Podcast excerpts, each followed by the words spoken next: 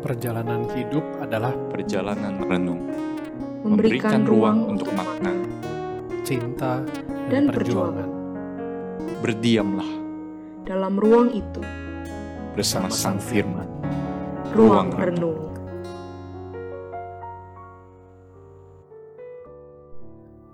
Kami hanyalah mayat-mayat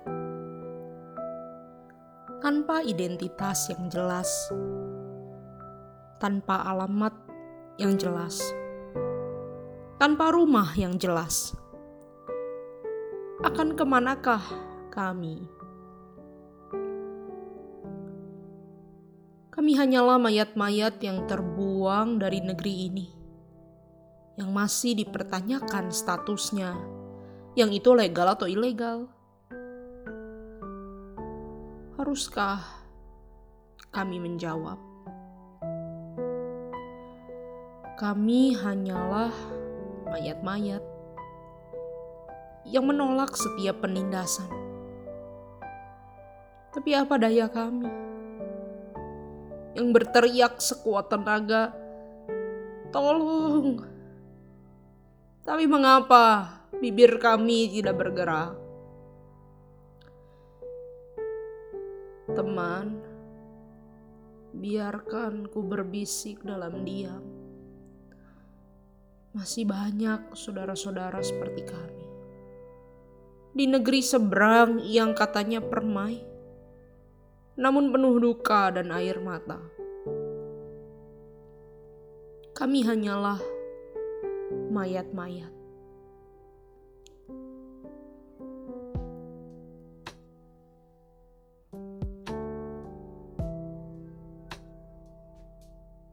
Puisi ini pertama kali saya dengar dari Ibu Septemi Lakawa yang sekarang menjabat sebagai ketua Sekolah Tinggi Filsafat dan Teologi Jakarta. Dalam sebuah kesempatan presentasi beliau menyampaikan puisi ini. Versi asli dari puisi ini ditulis oleh Yuli Benu, seorang sarjana teologi yang kemudian bekerja sebagai relawan penyintas human trafficking di Nusa Tenggara Timur Indonesia.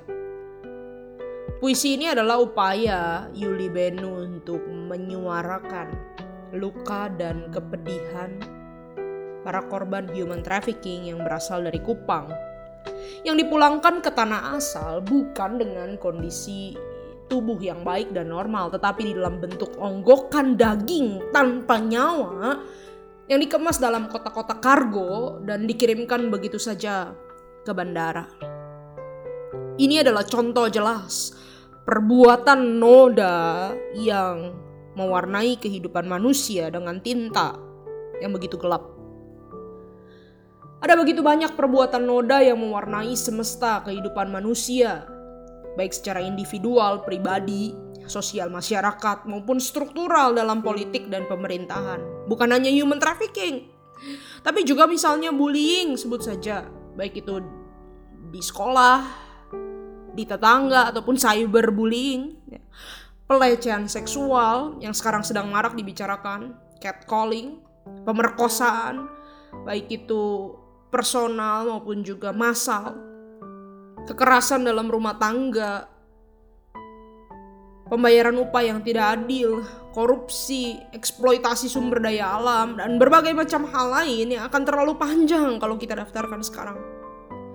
Perbuatan-perbuatan noda seperti ini itu merupakan potret sifat manusia yang ternyata bisa menjadi sebegitu liar, sebegitu jahat, tidak terkendali, dan tidak kenal batas. Dalam setiap potret perbuatan noda yang memenuhi struktur hidup kita, sepertinya cara terbaik. Kalau kita mau cari tahu apa yang sebenarnya terjadi, um, kalau kita mau mengumpulkan keping-keping kebenaran, mungkin kita harus pergi mendengarkan baik-baik suara dari kesunyian. Kita harus mencari dan mendengarkan baik-baik suara orang-orang yang terbungkam, suara korban. Seperti Yuli Benu yang mendengarkan tangisan para mayat dalam kotak kargo, dan kemudian merangkai kondisi kehidupan perempuan di Indonesia Timur, kita juga bisa pergi ke satu tempat yang diwarnai perbuatan noda dan dengarkan suara-suara kesunyian di sana. Pergilah ke sebuah ruang kelas dan dengarkan jeritan hati anak yang duduk di pojok paling belakang tanpa teman. Selalu dikucilkan Lalu kemudian kita bisa tahu bagaimana keadaan sekolah itu sebenarnya. Pergilah ke sebuah kamar dan dengarkan suara anak yang paling susah berbicara di dalam rumah. Dan dengarkan isi hatinya. Lalu kita bisa tahu sejarah keluarga itu. Pergi saja ke sebuah sel lembaga permasyarakatan khusus perempuan dan dengarkan suara narapidana dalam ruang tahanan paling sesak untuk kemudian kita bisa melihat sistem keadilan yang sering kali dikendalikan oleh orang-orang yang punya uang. Pergilah ke ruang belakang di gereja dan dengarkan kisah Koster yang tinggal di sana. Untuk kita bisa mengetahui tata kehidupan gereja itu sebenarnya. Dan pergilah ke Hakim-Hakim pasal 19 untuk bertanya kepada mayat seorang perempuan tentang kondisi sebenarnya dari bangsa pilihan Allah yang saat itu hidup tanpa raja. Hakim-Hakim 19 merupakan catatan yang bagi saya sebagai seorang perempuan adalah sangat menakutkan dan menyakitkan.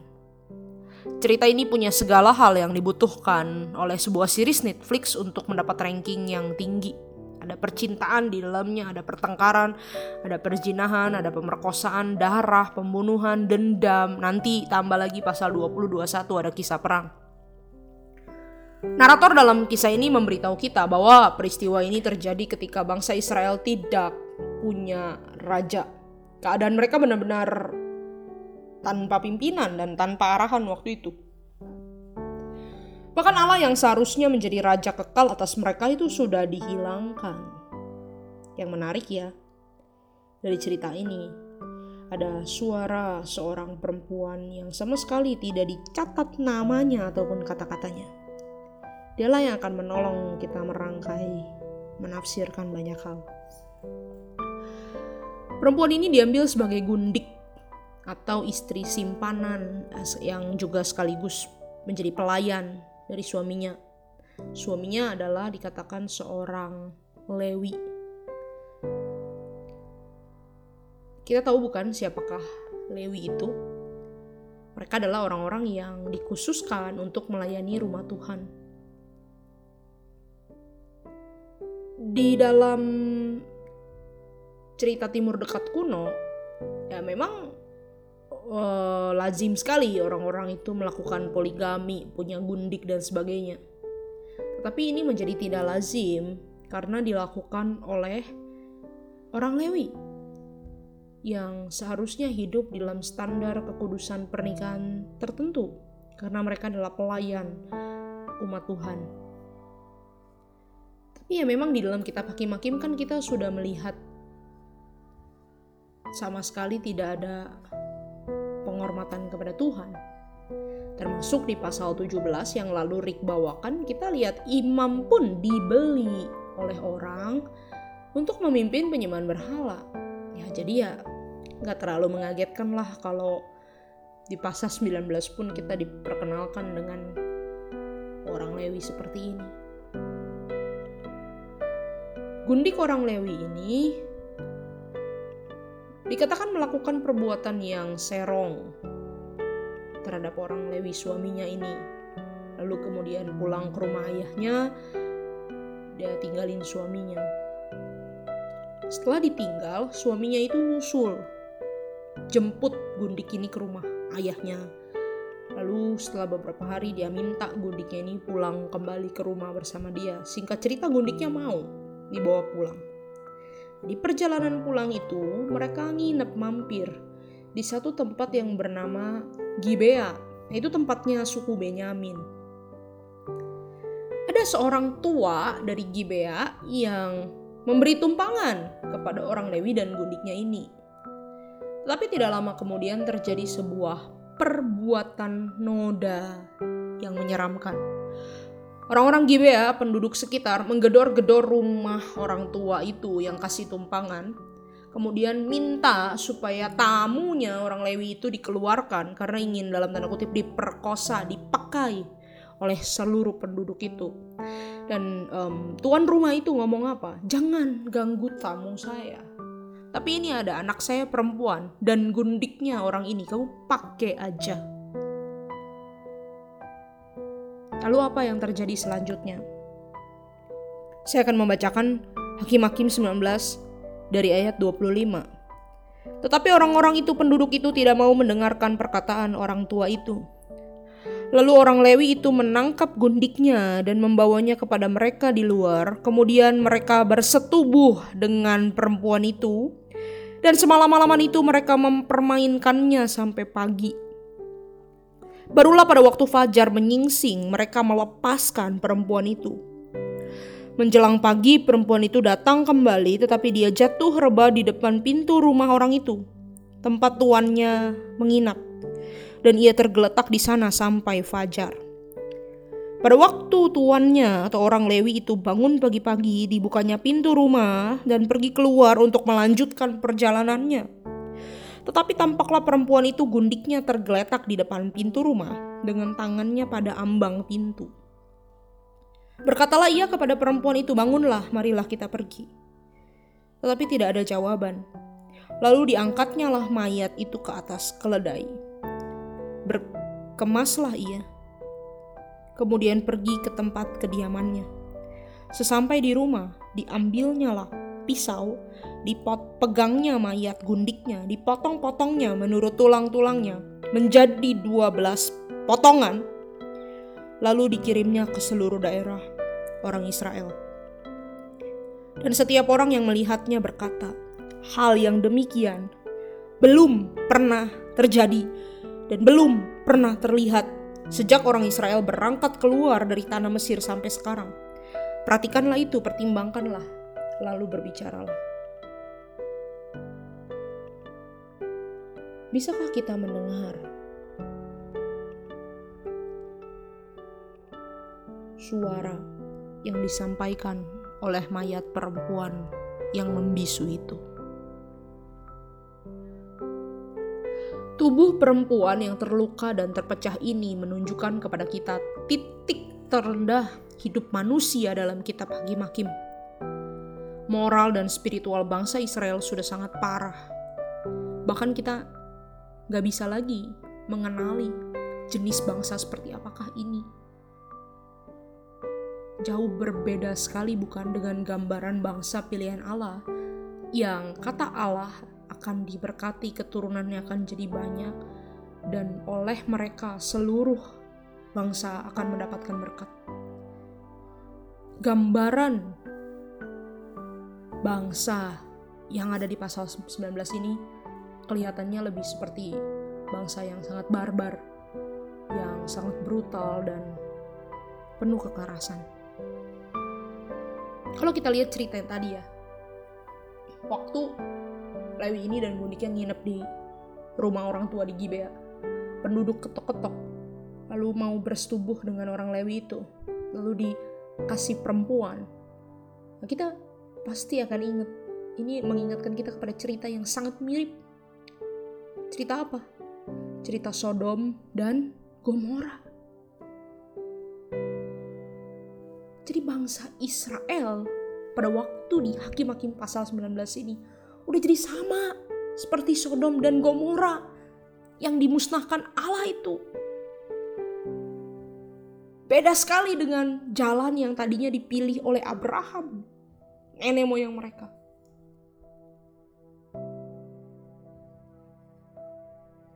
Perbuatan noda di Gibea ini adalah potret ketika manusia hidup tanpa Allah. Mereka tidak lagi mencerminkan gambar Allah, Laki-laki menjadi begitu bengis dan kejam, hanya memikirkan diri sendiri, ignorant, sementara perempuan jadi hancur dan rusak. Perempuan ini mayatnya berteriak begitu keras. bahwa yang layak diterima oleh manusia-manusia pada waktu itu di sekitarnya termasuk dirinya hanyalah kematian. Dengarkan suara kesunyian.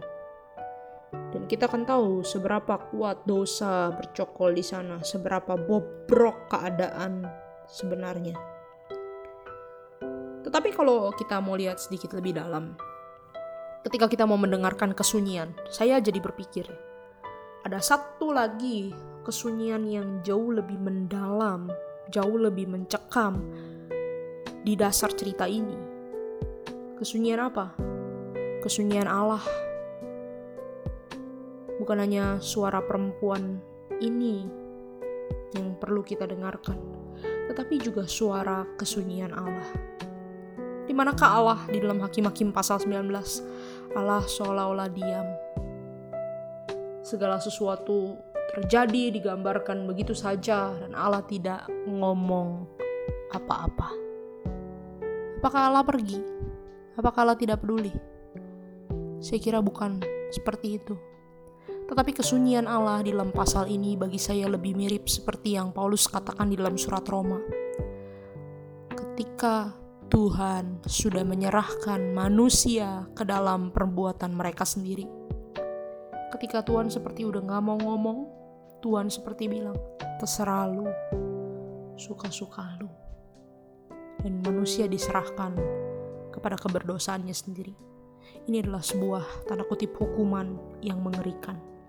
Bukan hanya di pasal ini, tetapi di dalam sejarah bangsa Israel kita akan melihat ada lagi nanti tahun-tahun kesunyian yang lain. Misalnya ketika mereka di Babel, mereka berkata, Tuhan berapa lama lagi? Tuhan bebaskanlah kami. Dan Allah seolah-olah senyap membiarkan mereka diserahkan kepada keinginan hati mereka sendiri. Tapi kita bersyukur kesunyian Allah tidak berlangsung selama-lamanya. Allah justru memakai jalan kesunyian itu untuk meneriakan cinta kasih. Ketika dia mengambil jalan kesunyian yang lain, jalan kesunyian ketika dirinya sendiri datang ke dalam dunia, menjadi manusia, dan menempuh jalan penderitaan. Kesunyian Allah yang paling puncak itu terjadi di Kalvari. Ketika putra tunggalnya tergantung dan berteriak, Eli, Eli, lama sabaktani. Dan Allah diam. He remain silent. Di dalam kesunyian Kalvari itu, kita bisa melihat kengerian dosa tetapi untungnya di sana kita juga bisa melihat kerasnya cinta kasih diteriakan. Cinta kasih Allah yang mematahkan segala dosa dan penghukuman. Kalau di dalam cerita Hakim-Hakim pasal 19, tubuh perempuan yang terpotong-potong itu menggambarkan betapa brutalnya manusia pada waktu itu bahkan menjadi sumber perpecahan antara suku-suku Israel menjadi sumber perang di pasal 20 dan 21 dalam sejarah keselamatan kita tahu satu titik ketika seorang pria berkata inilah tubuhku yang dipecahkan bagi kamu ketika putra tunggal Allah itu merelakan tubuhnya juga dipecah-pecahkan. Yang juga menggambarkan kebrutalan manusia sebenarnya, tetapi dibalik, kemudian dibalikkan menjadi pertunjukan cinta kasih yang luar biasa besar. Tubuh Yesus yang dipecah-pecahkan justru menjadi pemersatu tubuh Kristus. Hari ini mari mengambil waktu untuk sunyi. Lihatlah ruang sunyi di dalam hati kita. Dan apa yang kita dengar di sana? Apakah suara dosa yang harus kita bereskan di hadapan Allah? Atau kita justru bisa merasakan di sana suara cinta kasih Allah yang menarik dan memanggil kita pulang. pulang. Dengarkanlah suara kesunyian. Beranilah menghadapi realitas dosa dan pulang kepada cinta kasih Allah.